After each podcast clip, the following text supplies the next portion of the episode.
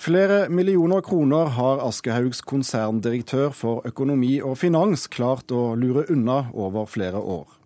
Det har forlagssjef Mats Nygaard fortalt i dag. Konserndirektøren ble avslørt før jul og søkte avskjed med umiddelbar virkning. Av hensyn til den eh, gjennomgangen og den granskningen vi holder på med, og det faktum at saken er politianmeldt, så vil jeg ikke gå inn i detalj på hva slags misligheter vi her snakker om. Men det er på det rene at det dreier seg om flere millioner kroner, eh, og det har pågått over flere år. Det er altså direktøren for økonomi og finans, i toppen av den pyramiden som utgjør Aschehoug-konsernet, som rett før jul sa opp sin stilling etter at han ble avslørt for økonomisk snusk. Tragisk, sier Nygaard. Eh, jeg syns dette er en meget alvorlig og meget meget trist sak, og jeg eh, opplever dette som en eh, tragisk sak. Forlagshuset Aschehoug består i dag av selve forlagsdriften til Aschehoug. I tillegg eier de hele universitetsforlaget. Mesteparten av forlaget Oktober har aksjemajoriteten i bokhandlerkjeden Nordli Libris, eier halvparten av Forlagssentralen, nesten halvparten av de norske bokklubbene, og tillegg til Lydbokforlaget et knippe andre forlag. Men Nygaard vil ikke spekulere i om det er konsernets kompliserte struktur som har gjort det mulig å lure forlagshuset for så mye penger over så lang tid. Vi gjennomgår alle forhold i denne saken eh, godt, så, så, godt som rådet er i, i nå. Og hva som har gjort det mulig, det vil vi komme tilbake igjen til. Men når det ikke har blitt oppdaget, så er det knyttet til måten dette har blitt gjort på. Betyr det at konserndirektøren for Finans har vært spesifikt opptatt av å lure konsernet? Ja, det, det, det tyder alt Advokat Anne Kristine Stoltz bekrefter overfor NRK at konserndirektørens og forlagshusets versjon av sannheten er ganske lik. Det er at uh, forholdet er erkjent, og at han allerede har tilbudt seg uh, overfor Aschehoug å gjøre opp dette her økonomisk fullt ut. Og at han, eh, ikke minst, at han eh, nå er i en veldig vanskelig situasjon, og at han og hans familie ber om ro i denne vanskelige tiden. Heller ikke Forleggerforeningen anser dette som noe annet enn en personlig tragedie. Som forening kommer de ikke til å engasjere seg i denne saken. Jeg kan ikke si at det er noe bransjespesifikt med, med dette, og i den grad eh, bedrifter bør se gjennom rutiner når det gjelder sånne saker, så, så gjør de sikkert det. Men, men jeg, jeg, kan ikke se, i hvert fall fra vårt perspektiv som forening, at uh, dette uh, betyr at vi uh, kommer til å, å komme noen form for anbefaling til våre medlemmer. Det sa administrerende direktør i Forleggerforeningen, Kristen Einarsson. Reporter var Birger Kolsrud Jåsund. Kulturkommentator i NRK, Agnes Moxnes. Hva mer vet vi om denne saken? Nei, vi vet vel egentlig ikke så veldig mye mer enn akkurat det som eh, kom frem eh, her. Eh, vi vet at det er en mann på 51 år som har vært ansatt i stillingen som konserndirektør for økonomi og finans siden 2006. Og det vil jo si at han har vært ansatt i i åtte år i Aschehoug forlag har vært med på en del store økonomiske eh, endringer i, i selskapet, bl.a. den eh, fusjonen av eh, bokhandlerkjedene Nordli og, og Libris, som var et, et økonomisk, en eh, økonomisk utvikling i eh, Aschehoug som helt sikkert har påvirket økonomien deres, f.eks. Sånn eh, så han har vært der en god stund. Og vi vet også at de ansatte ble orientert om dette her i går, så vidt jeg skjønner, og at det kom som en, selvfølgelig som en stor overraskelse på alle. Selv om ledelsen har visst om dette siden før jul? Siden 20.12., sier jo eh, Mats eh, Nygaard i Aschehoug selv, eh, var dagen da dette gikk opp for dem hva som hadde skjedd.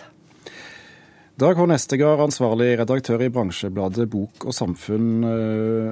Hvordan tror du dette har kunnet pågå så lenge?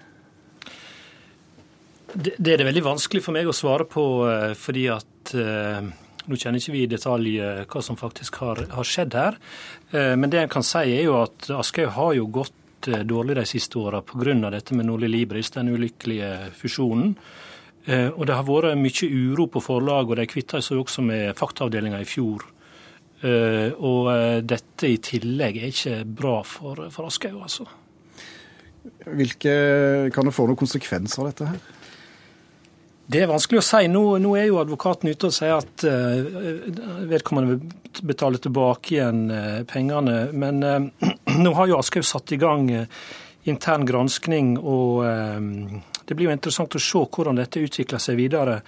Når det gjelder bokbransjen, så er jo vedkommende inne i ti ulike foretak, sånn at dette er jo et sjokk for, for hele bransjen, rett og slett. Det er, jo, altså det er, jo, helt opplagt at det er jo ingen eh, bransjer eller noe selskap som kan garantere seg mot utro tjenere. Men når det først skjer, så er det klart at det som da følger i kjølvannet av det, er jo bl.a. å prøve å finne ut hvilken måte dette har skjedd på, og i, i hvor stor grad det har svekket eh, Aschehoug som eh, selskap. Eh, det er altså Når eh, Mats Nygaard sier at det er snakk om et eh, misligheter i millionklasse, så må vi faktisk regne med at dette kan være ganske mye penger som er tappet over mange år. Men når det er sagt, så, så har jo Mats Nygaard eh, håndtert dette veldig profesjonelt så langt.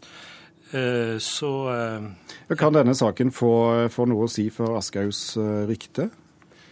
Ja, det er klart. Altså, Aschehoug har jo hatt eh, problemer økonomisk eh, de siste årene, særlig pga. Nole Libris. og det er jo det minste av de tre store. Jeg vet også at det, er mange forfattere på Aschehoug som ser seg om et andre forlag fordi at de har levd i skyggen av Jo Nesbø. Sånn at Aschehoug har litt av hvert å stri med om dagen. Hvordan kan dette påvirke den øvrige delen av bokbransjen? Nei, altså, Som Dag og Nestegard sier, så har jo altså da denne direktøren for eh, økonomi og finans sittet i flere styrer i Forlags-Norge. Og en del av disse styrene er styrer som tilhører selskaper som eies av Aschehoug, men også selskaper som eies av andre forlag, som Gyllendal. Sånn at det eh, det går jo inn liksom, i det store liksom, nettverket som bygger hele den norske bokbransjen. Så, så det vil vi jo tro kan være en av de tingene som nå skal etterforskes, eh, kanskje også av politiet. Ja, altså Flere i bransjen spør seg jo i dag om, om, om politiet nå skal inn i alle disse ti ulike eh, foretak, altså også Nordli Libris, Norges største bokhandelkjede, eller om Aschehoug skal prøve å, å, å rydde opp sjøl før de går til politiet. Så Det er fortsatt et åpent spørsmål, omfanget av etterforskninga, rett og slett. Kristen Einarsson i Forleggerforeningen sier de ikke skal foreta seg noe i saken. Er det en klok beslutning?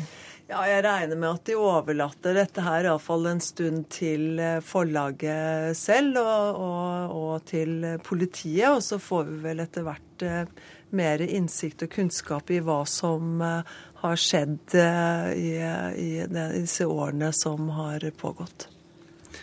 Siste kommentar? Ja, nei, Vi håper jo i Bok og Samfunn at, at dette får en jeg hadde sånn sagt, en, en, en, løsning som ikke er veldig skadelig for Aschehoug. Jeg må bare gjenta at eh, Aschehoug har jo hatt trøbbel de siste åra, og dette trengte de ikke på toppen av, av, eh, det som allerede ligger på bordet, i forhold til Nordli Libri særlig. Takk skal dere ha, eh, Dag H. Redaktør i Bok og Samfunn, og kulturkommentator Agnes Moxnes.